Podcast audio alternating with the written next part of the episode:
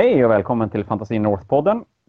Idag ska vi prata Quarantine Fanatic 40K omgång 2 och lite spekulationer om omgång 3. Och till detta har jag med mig som vanligt Jon och Hej. Viktor Bergenholtz. Hej Viktor! Hallå då. Eh, vi sitter här sent på söndag natt och tänker försöka få ut den här innan folk hinner komma igång och börja spela. Så vi har ganska mycket att gå igenom så jag tänker vi kastar oss raskt in på den runda två vi redan har spelat. Och nu har ju BCP-appen slänger ju ut matcherna lite huller om buller så vi tar dem väl i samma ordning som vi ser dem på telefonen för er som är med och spelar. Och så kan vi väl nämna om det så att det är matcher som, som är högt upp framförallt. Det är kanske det som är mest intressant. Då börjar vi med Linus Karlsson mot Tobias Håkansson. Det är då en Ravengard Knight-lista mot Space Wolf. Slutar 20-0 till Tobias Håkansson. Någon som har pratat med någon av dem? Nej, men jag har gjort det. Så att jag kan lika gärna börja. Eh, Linus ställer upp sig med sin Castellant och åker på en 12-tums charge av Björn som bara dödar Castellanten. Och sen är Den de är lite tråkig. Ja, den, den, den är jobbig. Jag snackade faktiskt med Linus idag. Jag köpte burgare eh, och han sa att han, han hade mentalt dött när, när Björn hade brakat in och dödat Castellanten. Och det kan man väl kanske förstå. Vilken fantastisk storleksskillnad i de två modellerna också. Jag kan verkligen se Lillebjörn bara rulla in och kapa benet på Knighten som Ja, men jo, ramlar. du har ju spelat med, med en, en Old One Night mot en Redemptor Dreadnought och bara där såg man ju en fantastisk skillnad. Och det där blir, här blir ju ännu värre. Ja, och i, men i det fallet när vi spelade så vann ju inte old, lilla Old One Eye, så- om vi säger så. Nej, inte ens nära. Eh, det, här var, det här var mot vad vi hade spekulerat om. Vi hade väl satsat på Linus förra gången vi pratade. Ja, det hade vi. Jag vet inte om det var lite grann för, för Tobias resultat mot mig och sådär. Att, att förlora mot mig, då, då, då är det bara downhill efter det. Nej, jag vet inte Mm. alls. Men, men eh, det är klart. Det är en, en ganska avgörande på döda Castellan tidigt. Alltså tappar man sin Definitivt. tur rätt så är det ju jobbigt. Ja, det är, antingen så kan man kriga mot de där två, tre poängen kanske. Eller så skiter man bara i det och så tar man nollan helt enkelt. Så det om det. Nästa match. Och den gör vi i sig. Jag ska säga det också att Tobias sticker iväg uppåt en, en del ändå. Och landar på en 26, 27 någonstans. Så har ju lite slagläge om man kan plocka en till 20. Vilket inte alls vore omöjligt. Men vi kommer till pairings lite längre fram. Eh, sen har vi Joel mot Ingvar. Det skulle vara, det skulle vara Death Guard mot Necrons. Men en förkylning stoppar Joel så det blev VO till Ingvar. Eh, nästa match, Viktor, här är du inblandad. Ja, Då har vi Viktor mot Simon. Det är alltså Grey Knights mot Space Wolf och Gardet. Ja, Viktor, vad hände? Hur gick det? Nej, men det gick eh, som jag ville. Det, jag fick första turen, sköt bort fem stycken dundervargar och ett gäng gardesmän. Förlorade tre modeller tror jag tillbaka i hans tur ett. De antikorerna kunde inte göra mer stryk. Nej, alltså Mandikoro gör inte så mycket mot Grey Knights. Du sänker så att de bara gör damage 1 mot dig då. Eh, nej, det är mer det att jag använder Tide of Shadows som gör att jag alltid räknar som jag cover. Ah, Eh, så när han skjuter på mina Terminator Paladins så har jag två, eller ett plus armor save som blir tre plus. Eh, och står jag en terrängbit så får minus ett på träffa också. Men ska han skjuta mot Terminators? Nej. Eller har du bara inte ja, visst ska de egentligen rensa dina strike squads? Ja, det hade nog varit smartare. Och, och tänka sig, för att jag menar, har du paladiner och en Grey Knight-enhet så har du ju ändå lite svårt att plocka poäng med dem. Även om de dödar allting de tittar på så, så måste det vara dina strike som, som harvar in de här main-poängen. Ja, men det lätta med det här uppdraget var ju också att man behöll objektiv som man hade tagit. Ja, i och för sig. Så att, Så jag På gick det liksom sättet var det ganska bra. saker och sen tryckte in allting i hans deployment. ja, just det. Så han fick aldrig egentligen gå ut ur sin deployment. Men hade han en deep-strikande 10 Terminators? Ja, de chargeade mina deepstrikande Terminators också. Lyckades döda nästan alla, sen teleporterade jag ut de sista Mm. så att han inte fick poäng för det. Och sen så sköt jag ihjäl allt. Effektivt. Och sluta med en 20-0-vinst. Gjorde de. Ja, Det var... In, vi hade nog inte, Jon, trott att det skulle bli 20-0, men vi hade väl tippat på en Viktor seger i alla fall. Eh, jo, vi hade tippat på Viktor seger. Så ett poäng till oss. Definitivt. det är bra. Nästa match då? Och då ska jag säga Viktor också att du, du klampar in på 40 poäng inför tredje omgången.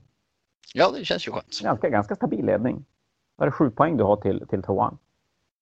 Mm, det är bra, då kan jag spela Ja, bort det. lite grann nästa match. Ja, men precis. Nu, nu, får du, nu får du fumla lite grann och det är lugnt ändå. Sen har vi ju ett, hade vi väl ett ganska oväntat, tycker jag, oväntat bottenmöte mellan Patrik och Roger. Som hade noll poäng båda två inför match två. Patrik spelar då Ultramarines och Roger spelar Space Wolf. Och här hade, Jon, här hade vi tippat på en ganska jämn match. Eh, jo, vi hade en ganska jämn match hade vi tippat på, men, men jag tror eh, vi tippade mer på Patrik ändå. Så vi Ja, kan ju ta inne- lite cred va? Lite fel. Ja, men vi- vinsten hade vi nog satt. Däremot var jag lite mer inne på att de här kanske skulle spela bort varandra den här matchen. Så blev det inte. Patrik gav sig, ju chans, sig själv chans nu att fortsätta uppåt.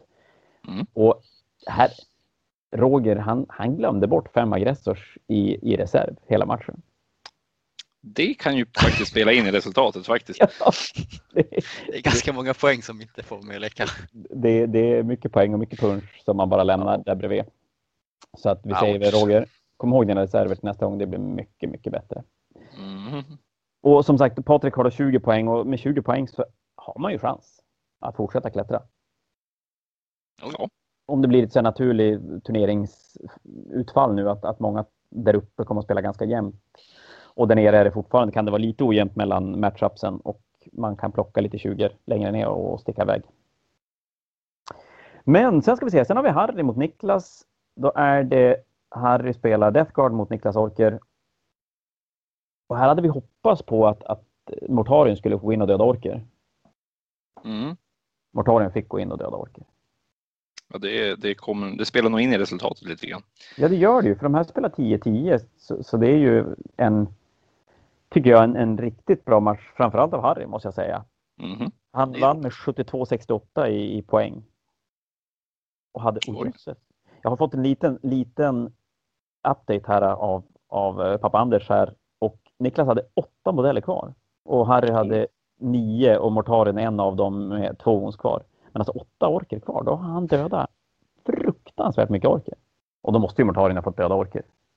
Eh, definitivt. Eh, jag gick faktiskt förbi matchen, för jag spelade min match nästan samtidigt. Eh, jag gick förbi matchen och då fick jag höra en kommentar om att Blightlord Terminators presterade som de brukade göra. Och det var- vilket var Det ganska var det du bra. snackade om från förra karantänen Jon, att han, han skulle ha Blight Lords. Eller var det Death Shroud? Nej, det var Death, det, det, Det var Death. Thread, Ja. så för att hålla moralen vid liv. Men han har, en, han har ju sina Blightlord Terminators som deep strikar in och, och verkar lyckats den här matchen att, att göra någonting. Snyggt. Snyggt, snyggt. Och det, det, det bäddar för en fantastisk match i runda tre, men det kommer vi, återkommer vi till snart. Då ska vi se, då har vi nästa match, nummer sex. Ludvig mot Kim. Skulle ha varit Orker mot Admec. Det blev inte Orker mot Admec. Det blev VO till Admec, så 20-0 till Kim. Sen Jon, är det du. Du spelade igår, gjorde du, mot Kim. Jajamän, Och då var det Necrons mot Harlequins. definitivt. Jag var ju lite nervös för att 80 Necron Warriors på det här scenariot som vi spelade, där det var fyra poäng på mittlinjen, eller fyra objektiv på mittlinjen, gillade ju inte jag. eh, Men det gick bra. Det gick bra. Han, han gick bara upp på två av objektiven, vilket gjorde att jag rensade faktiskt bort de Necrons på de objektiven och lyckades ta alla fyra mittenobjektiv, eller åtminstone stå i, på alla fyra mittenobjektiv i Mm. min runda ett. Vilket definitivt bidrog ju till att jag eh, inte gav honom chansen att ta poäng. Vad spelar du på sekundära? Jag spelade sekundära för att döda. Jag spelade Assassinate, för han hade fem karaktärer. Ja, är mycket plasmavanser. Eh, definitivt. Eh, och så spelade jag eh, Thin the Ranks för att eh, ja, okej. ne- mycket Necro Warriors och när du dödar dem så är de ju döda. Och så kom de ju tillbaka men då räknas de som att jag, jag har ju räknat som att jag har destroyed a model. Okej, så att du, du dödar dem flera gånger om du dödar dem igen när de ställer sig upp? Eh, ja, men i, i, slut, i slutändan så för, det- för det är ju ingen negate och de räknas ju som destroyed. Om vi Ja. läste reglerna rätt. Eh, Även om vi inte gjorde det så kam jag hem oänd- väldigt, väldigt mycket poäng. Jag Ja, hade nästan wipe honom runda, ja vad var det, mot runda tre, i slutet av runda tre så var nästan allt borta. ja. Ni, om, om ni som lyssnar har koll på hur det funkar med, med Necrons Reanimation Protocol och the Ranks får gärna höra av er och rätta oss om vi har fel. Och så, du spelar Assassinate the Rank och vilken var det sista? Den sista var, eh, nu kommer jag knappt ihåg det igen. Men Du vann så lätt så du behövde inte bry dig. Nej, men jag, jag hade, det var något av eh, de här döda... eh, Grejerna döda, säg. döda. Nej, nej, för, nej förlåt mig. Engage all fronts förstås. Engage all fronts. Den måste du alltid ha med i dina med. Ja, den har jag typ alltid med i min armé. Så var det. Så det var Eh. egentligen aldrig riktigt nära då? Eh, nej, det, det gick bra från, från början. Eh, så det, Ja, det, var det, gick, det, gick, ja, det gick 20-0 så att säga till mig. Du har ju kapacitet att döda mycket gubbar. Definitivt. Och även du har ju då gett dig lite själv möjlighet att fortsätta klättra. Var du 21 nu totalt? 21 precis, så ja. Jag får inte göra fel till skillnad från eh, Viktor här. Han, han, han har ju råd att spela bort sig nu nästa Ja, det är ju match. Bättre gör- att plocka 20-0 i början och sen släppa på slutet än göra tvärtom. Ja, det Så känns lite skönare. Ja, jag tänker det lärpenning till Jon här att inte förlora första matchen utan se till att förlora sista matchen i så fall. Sen har vi din baneman från första, Viktor Forsberg mot Erik Öhman. Så det är då Eldar Craftworld med Harlequins, färre Harlequins än Jon har, mot Space Marines Salamanders. Och här lyckas Erik vinna med 12-8. Viktor, har du pratat med Viktor någonting om den här matchen? Eh, Ja, jag har pratat med honom om det här. Då kan väl du berätta lite grann hur det gick? Eh, ja, han... red- Redan innan så var det här en ganska tung matchup för Viktor. Det är något vi hade pratat om tidigare. Eh, Nej, vi spelar ju mycket Eradicators och det är klart, Ja. Viktor har ju de här Craftwell-delarna med, med Wraithlord och Wraithblades och grejer. De kanske inte riktigt tycker om att möta Eradicators. Nej, mycket Eradicators, eh, Aggressors. Erik har ju som mycket av det hårda. Ja, Eh, Så det Viktor gjorde att han försökte spela mer på poäng. Och gick upp på flanken där Erik inte var. Och tog liksom den halvan av planen. Och sen lyckades han faktiskt döda väldigt mycket. Och fick som bort, höll sig utanför Eradicators range. Mm. Eh, och tror det var spelmässigt var spelade de egentligen lika, men för att Viktor inte har målat så förlorade han. det är de där. Han tappar de där målarpoängen han har hela tiden. tappat tre poäng nu på att han inte har målat. Tufft. Det, det, det är jobbigt. Men han lyckades också säga Erik hade Wild Withstand och Viktor lyckades döda alla de tre modellerna. Det kanske är en halvtaskig sekundär mot Harlequins. Jon, du kanske kan... Ja, alltså det är ju väldigt lätt för, för Harlequin-delen att åka in och snipa det, det, det som är dyrt eftersom det, är oftast, Mm. det som är dyrt är oftast ganska hårt.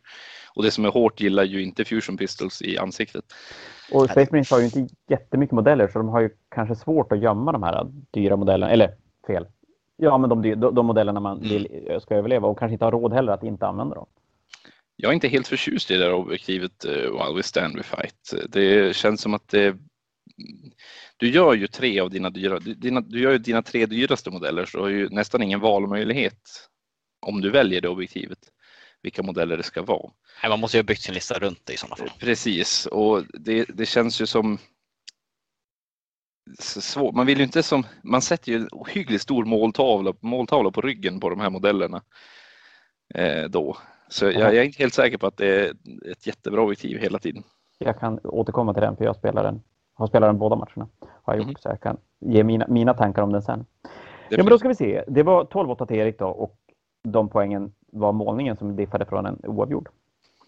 Sen har vi Mikael Segelund mot Marcus Pers. Jag ska säga det i och för sig, Viktor Erik. Jon, jag tror att vi var ganska rätt ute där. Jag tycker vi snackade om att det skulle bli ganska jämnt men att Erik skulle gå vinnande ur den. Med några Ja. poäng.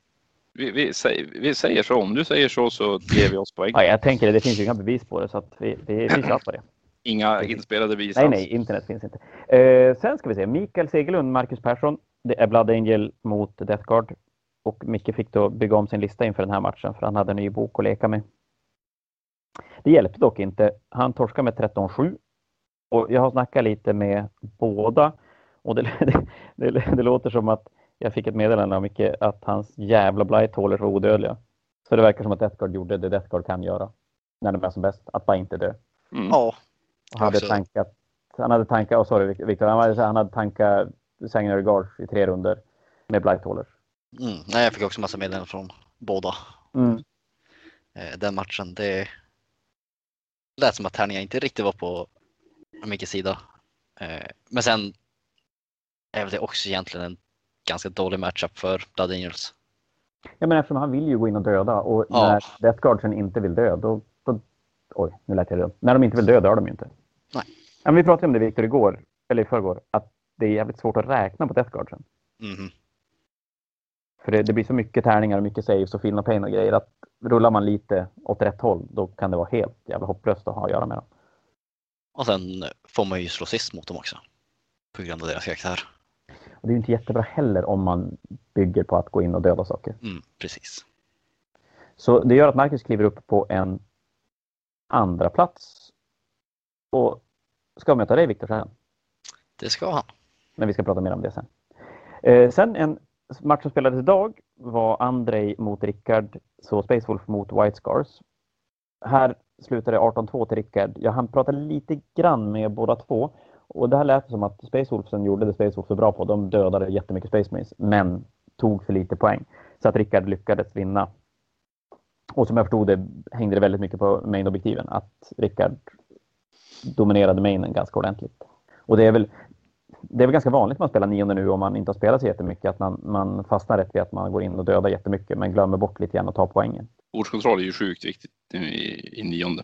Ja. Eh, Står du på alla objektiv så eh, då kommer du att kamma hem poäng antagligen.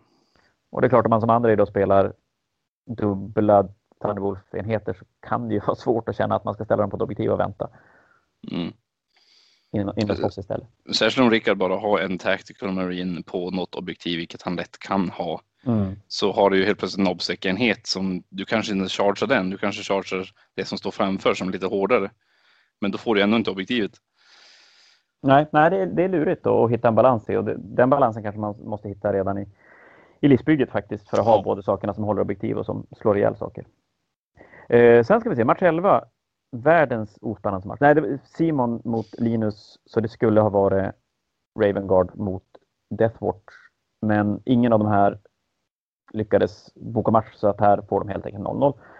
Så vidare efter det har vi Agdal mot Bebbe. Då är det Imperial Fist mot Astra Militarum. Här har jag pratat med båda, men jag vet inte riktigt om jag har fått någon riktig känsla över hur den här matchen slutade. Eh, Det, det blev en vinst med 13-7 till Bebbe. Men jag vet inte om jag vågar ge mig in på att prata lite grann om matchen. Jag har också hört lite grann, i alla fall från Bebbe. Och, eh, eh, det verkar ju som han har lyckats döda eh, rätt fordon i Mm. alla fall. Eh, vilket han hade ju, han hade ju enheterna för att kunna döda rätt fordon när han ville det. Och jag tror att Eh, eh, Anders hade gått ifrån matchen med en tro om att han hade förlorat 17-3. Men Mm. och, och tyckte att det kanske inte var som det borde ha blivit. Men sen när det bara blev en 13-7 så, så blev det lite mer kanske som matchen såg ut. Vilket, för jag menar 13-7 13-7 är ju en rätt jämn historia. Ja. Så sista matchen för, visst är det sista matchen? Jo, sista Mm. matchen. Ja. Jag mot Brager. Den, Brager den äldre. Så det, det är Dark Angel mot Tyrannider då. Jag lyckas vinna med 17-3. Vilket jag är ju jättenöjd med. Trodde inte jag skulle kunna plocka så mycket poäng. Och det, man ska väl säga att det, det har väl med, kanske om jag ska peta ner det till två saker. Ett, att mina D3 wounds med Hiveguards var helt magiska. Jag tror att jag på en skytterunda smäller in, nu ska vi se, 15 wounds. 15 osavade wounds på Space Marines och gör dödar 14 Space Marines. Och det är ju rätt okej. Då är Hiveguardsen bra. Ja. Mm. Extra bra. De är ju så bra ändå. Och där kommer vi till just, jag spelar, Anders lirade med eh, Aboard the Witch mot mig eftersom jag spelar två säkerenheter och tre säkerkaraktärer. Och hamnade väl i ett läge där han ganska tidigt började jaga zoantroper. Men zoantroperna fick väl göra det. Zoantroper är ganska duktiga på att savea sina 3 plus save. Och så blev det så att det blev en zoantrop kvar som jag kunde springa iväg med. Så han fick lägga ganska mycket krut för att försöka döda dem men fick nog inte riktigt någon utdelning för den. Det enda han lyckas göra, det, var, det tycker jag var så stabilt. Jag glömde kasta smite med min broodlord. Så att i min shooting face kom jag på det och Anders är ju världens skönaste människa att spela mot så det är klart jag får göra det. Så jag kastar smite med min broodlord. En 8 plus, rullar dubbel sexa. Dödar två intercessors. Gör tre wounds på mig själv. Och sen i hans tur har han en sniper lieutenant som sniprar in fyra, mortal wounds, eller fyra wounds på min broodlord och dödar den. Så hade jag inte kastat smiten, då hade jag överlevt. Nu, nu dödade jag tekniskt sett mig själv för att han är snäll och låter mig göra en smite i efterhand. Så det var väl kanske karma. Men där, jag spelar Why We Stand We Fight. Men då har jag två neotroper och en broodlord som mina tre dyraste modeller. Varav en neotrop är till egentligen bara för att stå längst bak med hiveguardsen och säga till dem att de får exploderande sexer. När de skjuter. Och jag tycker den funkar ganska bra. Det är väl broodlorden som är lite sådär, vill ut och slåss. Men eh, för, för mig är det nog kanske det minst dåliga sekundära faktiskt. Mm. Men du har ju kropparna för att skydda dem. Mm. Ja, och, och det jag, när jag byggde listan så lät jag faktiskt bli att stoppa in exokrin just för att kunna välja Wild Stanley Fight. Sen om det är rätt eller fel, det, det får vi aldrig något facit på. Men det var så jag tänkte i alla fall. Mm. Men det som Viktor sa, om du ska ta Wild Stanley Fight så måste du bygga listan utifrån att utifrån att du ska ta den. Eller åtminstone ha, ge dig själv möjlighet att ta den genom att ha modeller som är välskyddade. Precis, ja. modeller man ändå inte vill fram eller göra så mycket med. Mm. Nej, men som gärna är små. Det, det, så är det ju. Så det är väl kanske ett, ett sekundärt man väljer när man bygger listan och sen spelar man det i alla, alla matcher. Och det är kanske som du säger Jon, det är ingenting man tar med sin armé. Det finns som inget, ingen match där det kanske är extra bra att ta det om man inte brukar ta det annars. Nej, det är ju det, det, är om du skulle till exempel möta en tung sniperlista kanske du inte heller skulle vara så sugen på att ta det. Nej, möter jag Vindicated Assassin då kan jag inte göra det. Då är det ju, då är det färdigt. För han, han dödar ju neutroper till höger och vänster.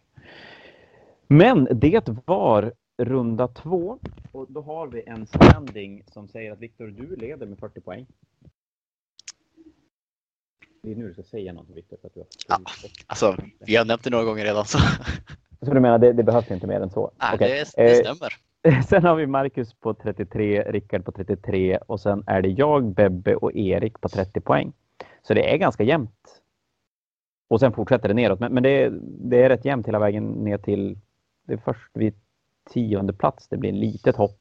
Men många har möjlighet, definitivt möjlighet att vara med och slåss om en topp fyra. Så jag tänkte nu kastar vi oss raskt in i pairing för runda tre. Så nu ska vi spekulera hårt och så ska vi väl faktiskt försöka gissa på resultaten i varje match. Och nu är de här matcherna också utslängda i en blandad ordning.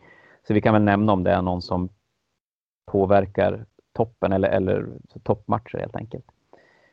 Men vi slänger oss in i match 1 som är väl, ja det är en episk match det här. Här har vi fader mot son. Vi har Anders Brager mot Harry Brager. Det är alltså Dark Angel mot eh, Death Guard. Är det. Ja, den här kommer bli rolig. Ja, det här är ju, det här är ju magiskt.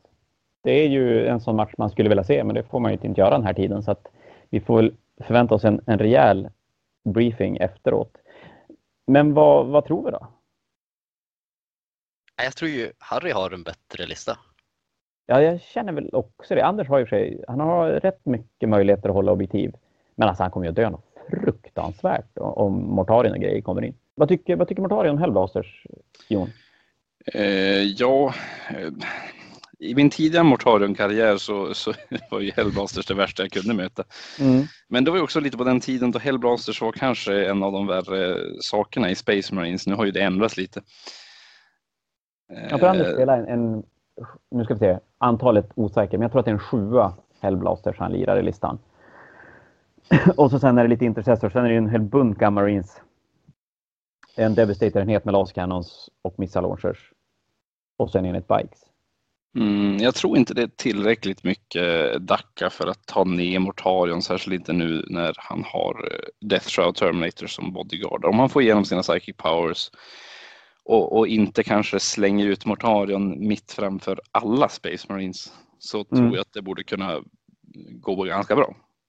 Intressant sak här är att Anders spelar ju helt utan Psychic, så han kan ju inte stoppa Mortarions Psychic Powers. Det kommer att bli viktigt, tror jag, för Mortarions överlevnad. Mm -hmm. Så ska vi, ja, ja då, då säger jag så här, jag tror att Harry vinner.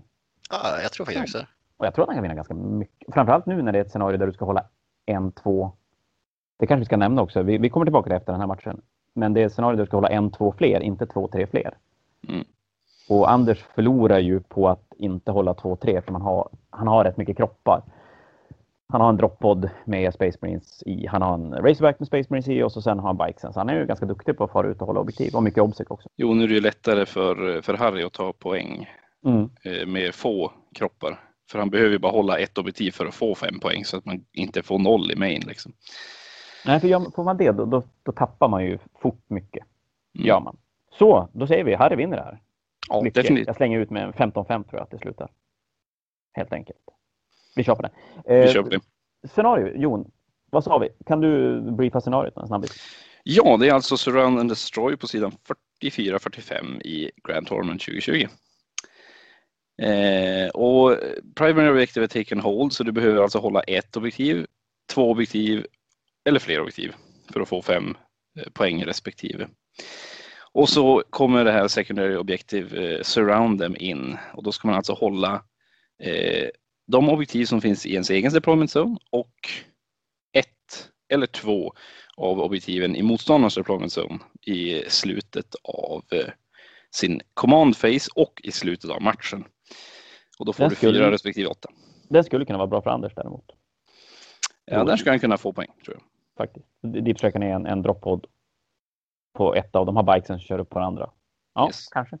Och det är väl vad den här, vid en normal deployment zone kanske jag ska säga också, normal hur man nu säger, men på långsidorna deployar man efter.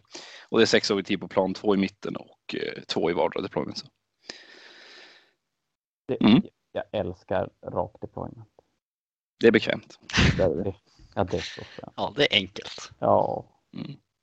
Men du Jon, sen är det du som kliver in i matchen. Jajamän, och då möter jag tydligen Anders Agedal. Och det hade du gjort i Skellefteå för en liten stund sedan. Ja, fast då, de spelade med gamla Space Marine-reglerna i den turneringen. Eh, och då spelade också Anders, tror jag, tre repulsors. Eh, alltså repulsors executioner som jag inte minns helt fel. Ja, men det stämmer. Jo, men det, det stämmer. Han spelar mycket det tidigare. Så det är klart, hans lista är ju ganska långt ifrån det han spelade då.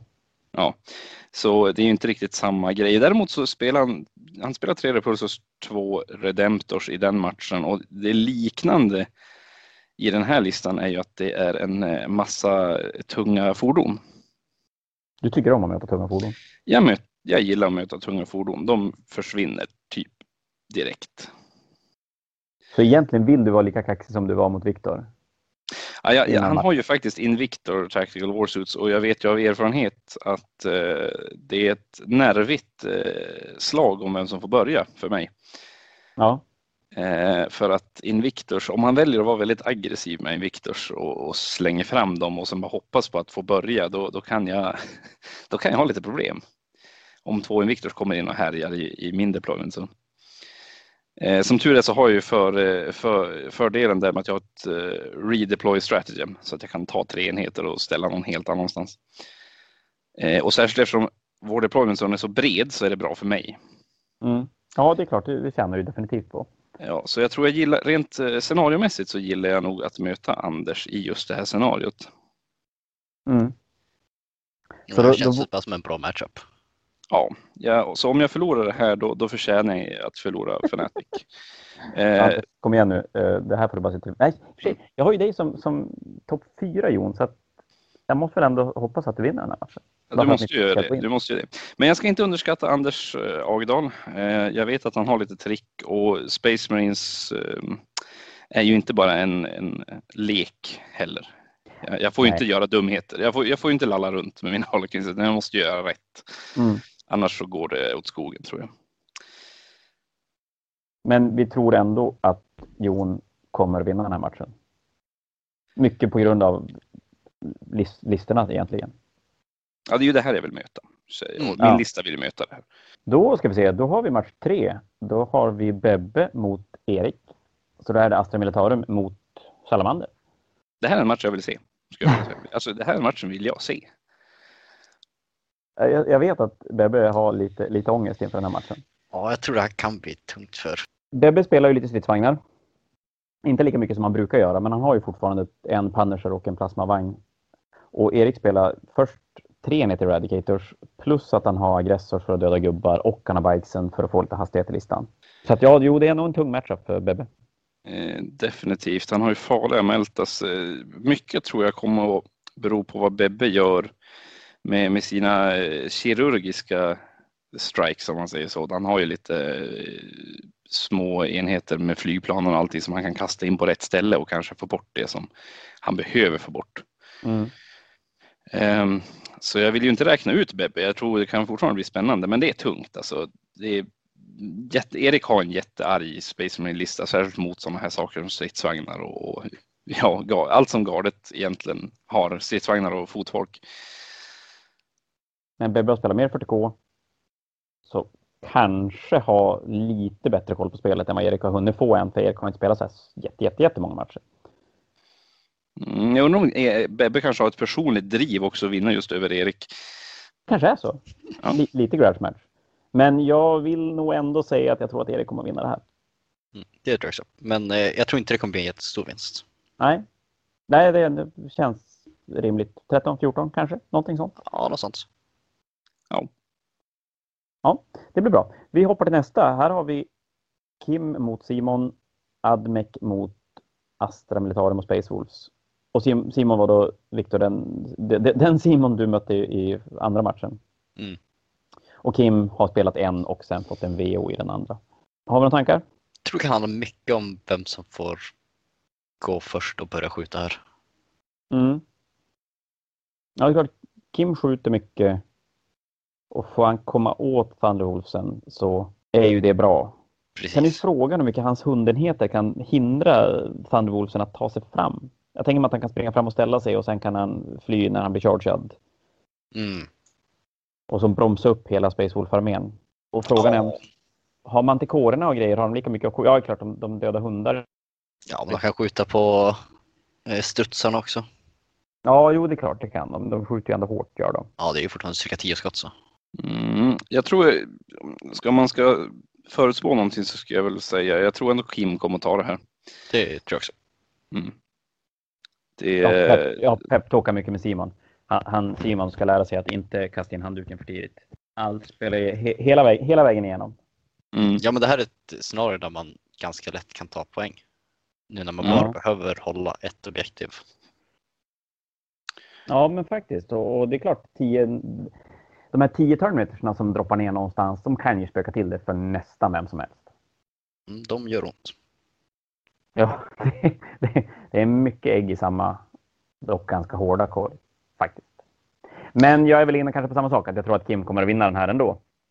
Han har ju framförallt hastigheten som Simon saknar lite grann. Ja, han har mycket bättre board control. Ja.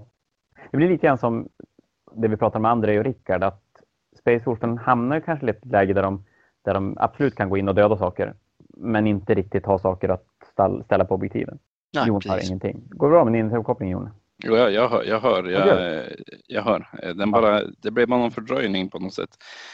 Eh, nej, men jag tror att om, om Simon ska ta hem det här, om vi nu säger att han ska ta hem det här, då måste han ju inte bara spela rätt, utan han måste ju också välja objektiven med omsorg.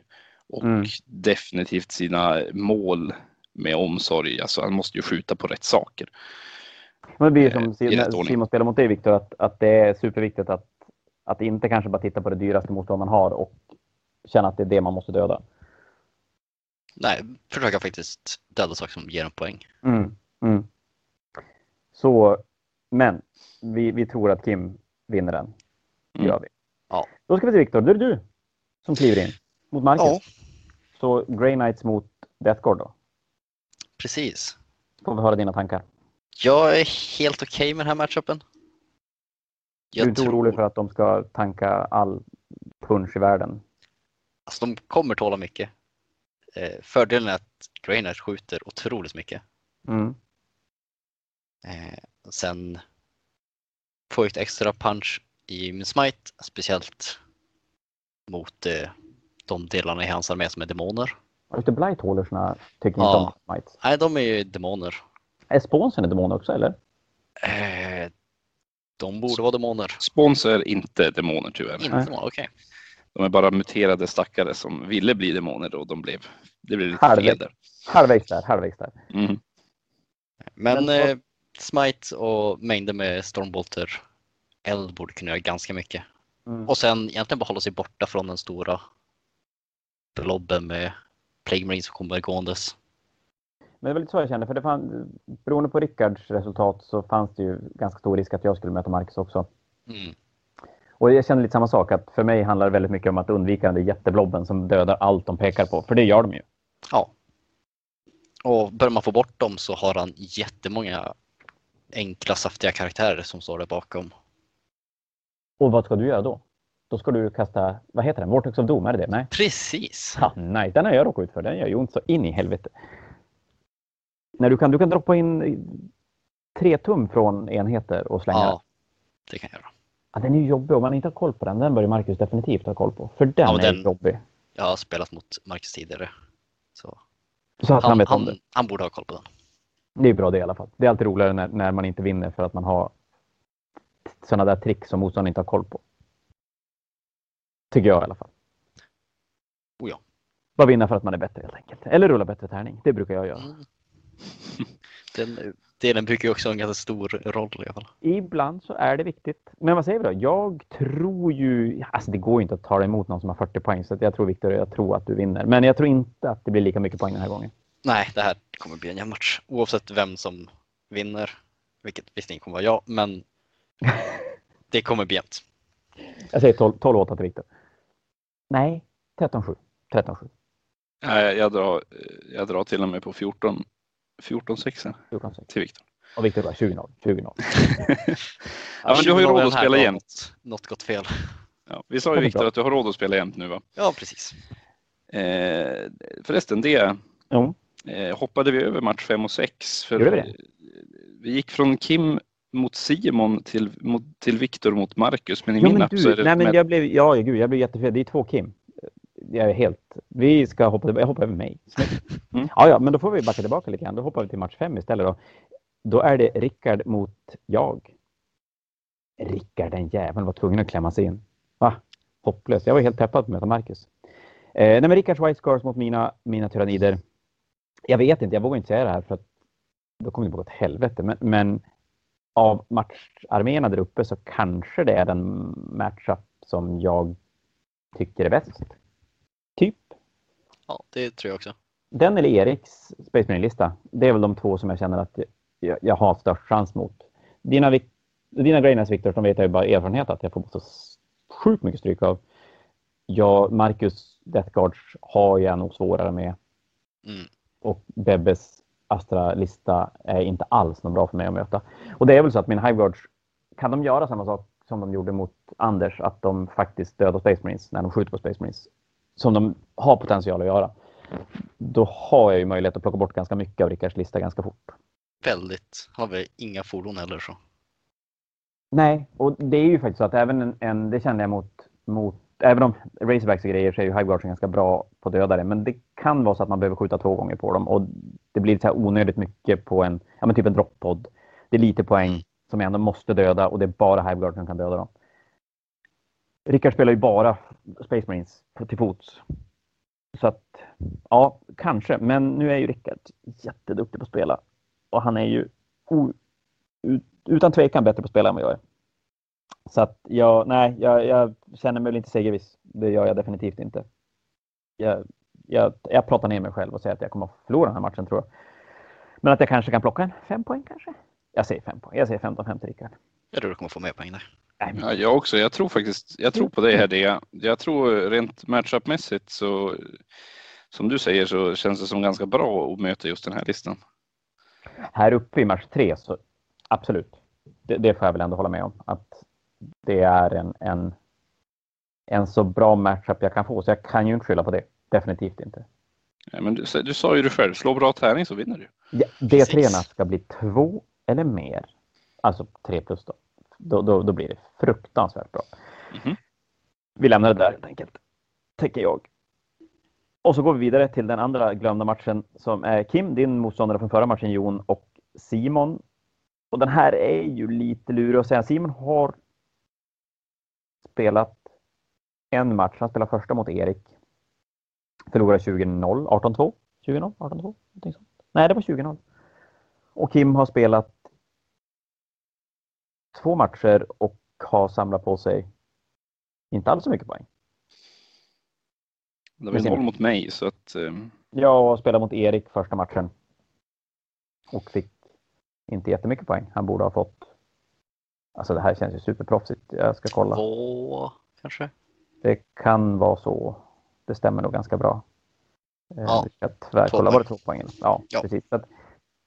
Den här är ju svår att sia om. Så jag tror att vi lämnar den här osagd faktiskt. Nej, men jag tror att-. Det är ju Simon Ingvarsson. Det är ju inte alls jag. Nu är jag helt... Nej, det är Simon Brännström. Nej, det är Simon Simon Brännström. Brännström, precis. Du blä- är jag det är helt- Kim mot Simon och sen har du Kim mot Simon Men det är för många Kim. Det är ett för ovanligt namn för att det ska finnas två på 24 personer. 26 Men det, är personer. det, är- lite kul att det är Kim mot Simon och Kim mot Simon. Ja, till och eh, med I till. samma, I samma runda dessutom. Och så är klockan 20 över 12 och jag packar penslar hela dagen. Vi säger att vi lämnar den här matchen osagd för det finns för lite, det finns för lite att prata om. Eller för lite, vi har sett för lite för att kunna säga någonting, tycker jag i alla fall. Ja, och båda är ju ganska... eh, Simon har ju spelat förr men har ju som nyss kommit tillbaka Mm. och Kim eh, har ju, är ju också ganska ny i Ja. jämförelse med, med många av oss gamla rävar som sitter här. Så det om, finns ju ingen data att gå efter. Va? nej, vi pratar om deras, deras arméer och matcher i runda fyra istället. Mm. Men du, då ska vi se. Nu är vi, då hoppar vi över Viktor mot Marcus för den har vi pratat om. Och då är det Niklas mot Linus. Så då är det Orker mot Ravengard och en Castellan. De här har ju spelat förmodligen ganska mycket matcher mot varandra. Och jag tror ju ändå att Niklas kan få lite tungt i den här matchen. Fast i och för sig, det är mycket smashagans och grejer. Så, så kan Castellan få lite jobbigt. Smashagans är ju lite dåliga mot en Castellan. Ja, det är Castellan inte kostar Knight de plus vill åtta, skjuta va? mot. Nej, det är det ju inte. Den slår ju på två tärningar för att såra Precis. eh, och måste Mm. slå lika eller över toughness. Och slå åtta på två tärningar är ju svårt. Ja, det händer ju inte automatiskt. Nej, så jag tror att eh, jag tror att orkarna får tungt här jag också. Och så Linus har ju gruvlig revansch efter den snöpliga 20-0-förlusten i förra matchen också. Mm. Det är om han är psykologiskt rädd att använda sin Castellan och den längst bak och hoppas på att ingen tittar på den. Jag tror att här, de har ju spelat, jag undrar om de spelar den här för mycket så att de Ja, vi vet sk- lite grann vad de, vad de klarar av. Vi Deras, skulle nog kunna ringa till dem nu och fråga vem vinner och de skulle nog kunna säga exakt poängen vilken, vilken vinst det blir. Så att säga. tror det och jag undrar om inte Linus kommer att vinna den här. Det, jag tror faktiskt det. Ja, det ser lite ut som det. Sen har vi nästa match. Då har vi Patrik, alltså Niklas broder, mot Andrei. Och det här är då Ultramarines mot Space Wolf.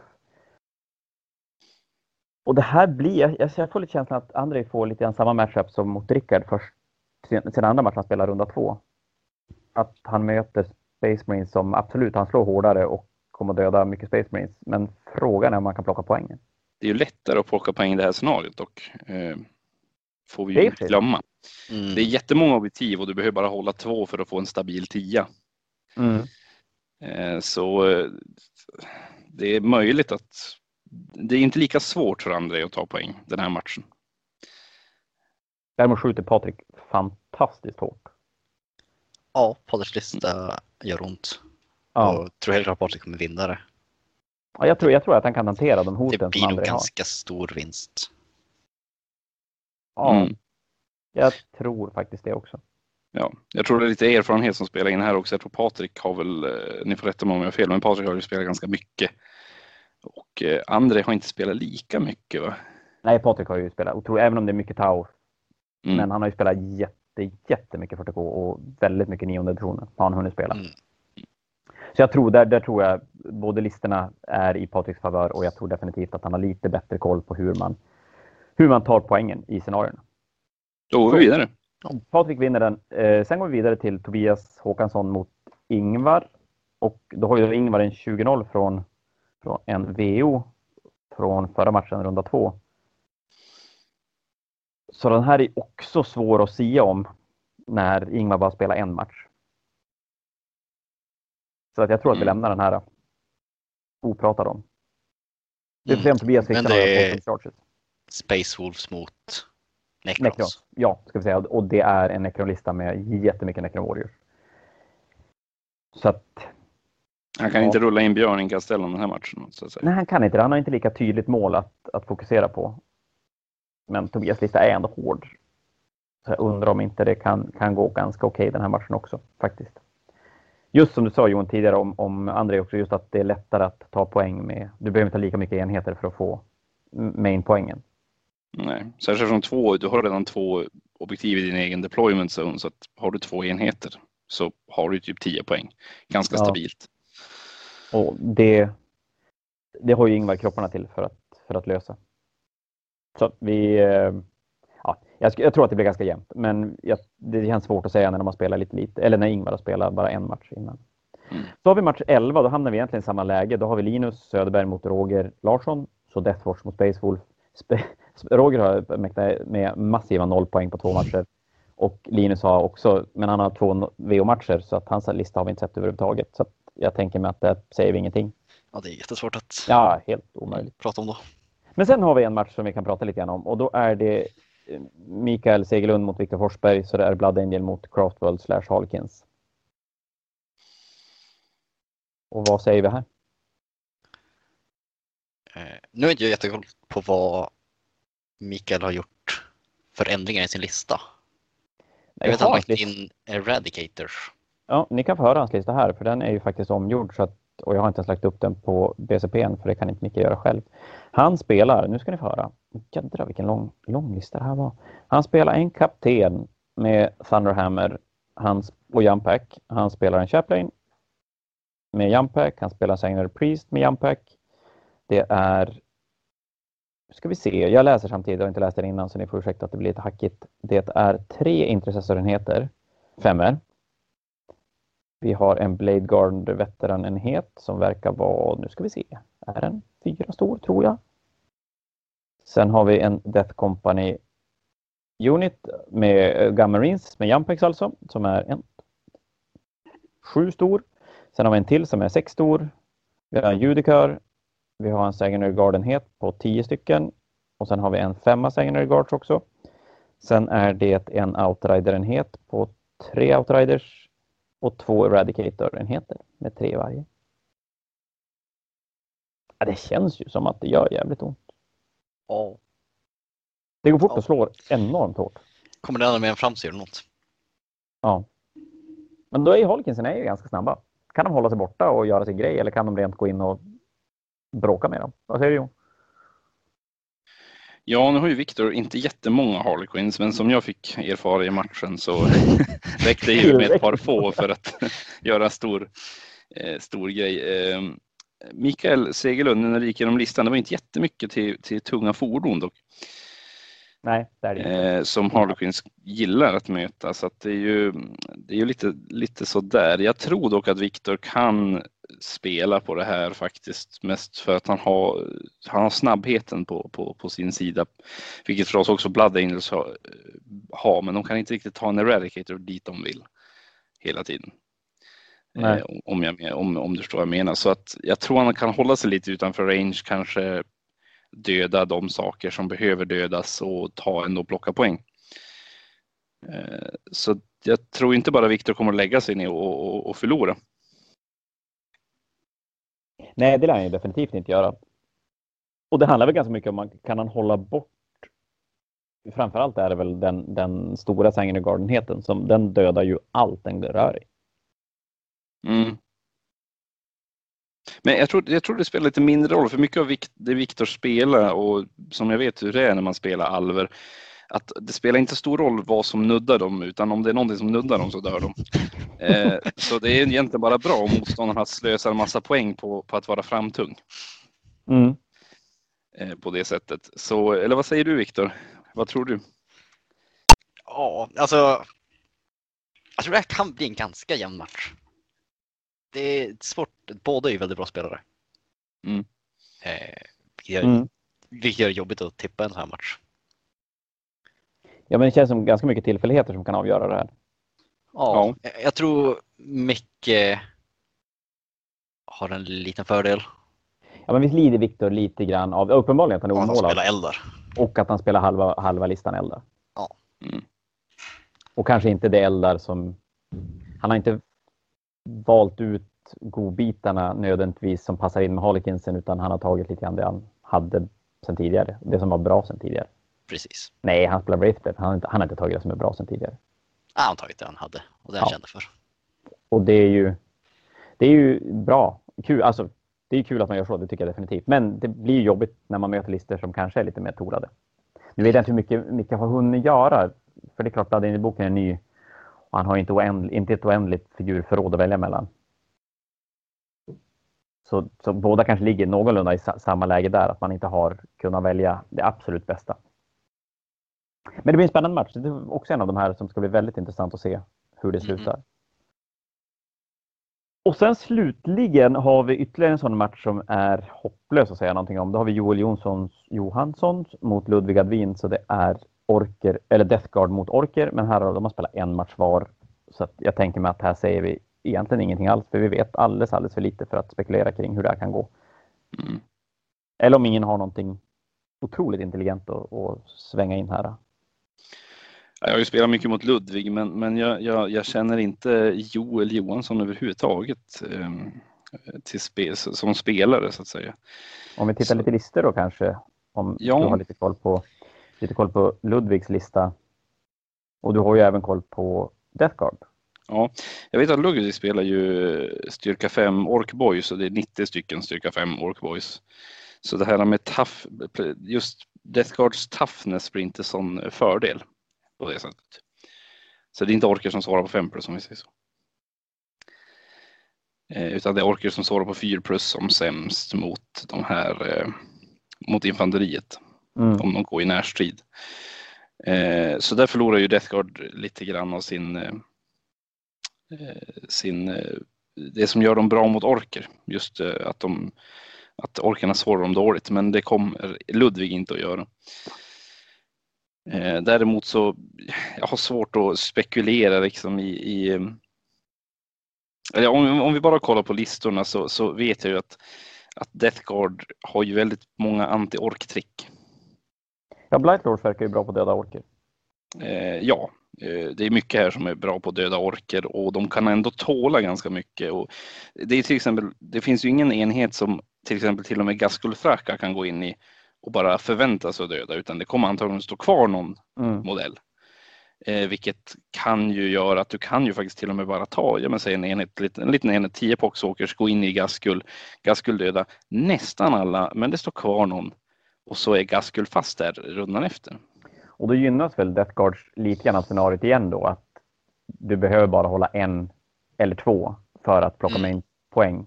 Orkarna vill mm. väl egentligen då spela ett scenario där du ska hålla två och tre? Ja. I alla fall om man tänker mig att de ska vinna mycket. Ja, men det är bara frågan då om Defgard kan gå upp tillräckligt mycket för att lyckas vinna själv. Ja. Mm. Ja, för det är klart, får orkerna lite fart och kan få boardkontroll så är det ju svårt för Deathguardsen att, att ta sig fram till objektiven om mm. det står 90 orker i vägen. Ja, alltså få, få, få orkerna vinna tror jag att det kan bli ganska, ganska tufft. Men som sagt, jag ser ganska mycket anti-orker-grejer här. Vi har ju eh, vi har ju crawlers, fast det är inte crawlers med, med, flavor, med, med plague spitters visserligen, men han har två blowtrons med plague spitters. Um, så ja, får Ludvig börja det här så tror jag att han har det. Vi kan, då säger vi så här, vi hoppas att de får möjlighet att spela matchen i alla fall. Definitivt. vi har ett resultat. Det är, väl, det är väl kanske det viktigaste. Men du, det var alla 13 matcher för omgång tre. Vad tänker vi? Jag, jag tänker mig, kommer vi se några stora förändringar på toppen? Är det någon som kommer att tappa eller, eller vad tror vi? Jag tänkte, jag tror... När jag tittar på spontant, jag tror det kommer att se lite likadant ut. Jag tror det kommer fortsätta se ganska jämnt ut framförallt i toppen. Ja. För det Speciellt fanns inga sådana här uppenbara. Ja, men det fanns ju inga uppenbara som kändes som att de ska sticka iväg och, och vinna supermycket. Faktiskt. Och det är lite kul för då kan ju de där nere se till att vinna mycket. Så både du och Jon och Anders har ju definitivt möjlighet att om ni vinner, någon av er vinner mycket så, så kommer ni upp ganska långt. Ja, alltså om, jag, om jag lyckas ta, om vi säger att jag lyckas ta 15-5 så, så ligger jag ändå på ganska stabila poäng för att kunna fortsätta mot topp 4. Ja, Även fast jag får inte göra jag, får inte göra, jag tror inte jag får vinna sämre än 15-5. Jag vill ju fortfarande ha lite wiggle room. Nej, du, du har ju lite mindre poäng än Anders så att mm. du får nog, nej, jag skulle säga att 15-5 är nog mindre än så ska du inte ta. Medan Anders kan ju faktiskt klara sig på en 10-10. Då har han 34 poäng. Mm. Och det, kom, det kommer att räcka om man, då har man möjlighet sen om man vinner med 20-0 Då är man uppe i 54. Ja, kanske att man behöver en 20-0, en 15-5 till eller 17-3. Någonting sånt för att komma in på fjärdeplatsen där på slutet. Men det blir spännande. Vi kommer med fler avsnitt längre fram och en, en som ska se hur många rätt vi hade efter den här spekulationspodden. Men du, då säger jag helt enkelt tack till Jon och Viktor. Supertrevligt. Nu är klockan jätte, jättemycket så att vi, eh, vi säger helt enkelt godnatt och vi hörs längre fram. Hej då på er! Hej då! Hej då!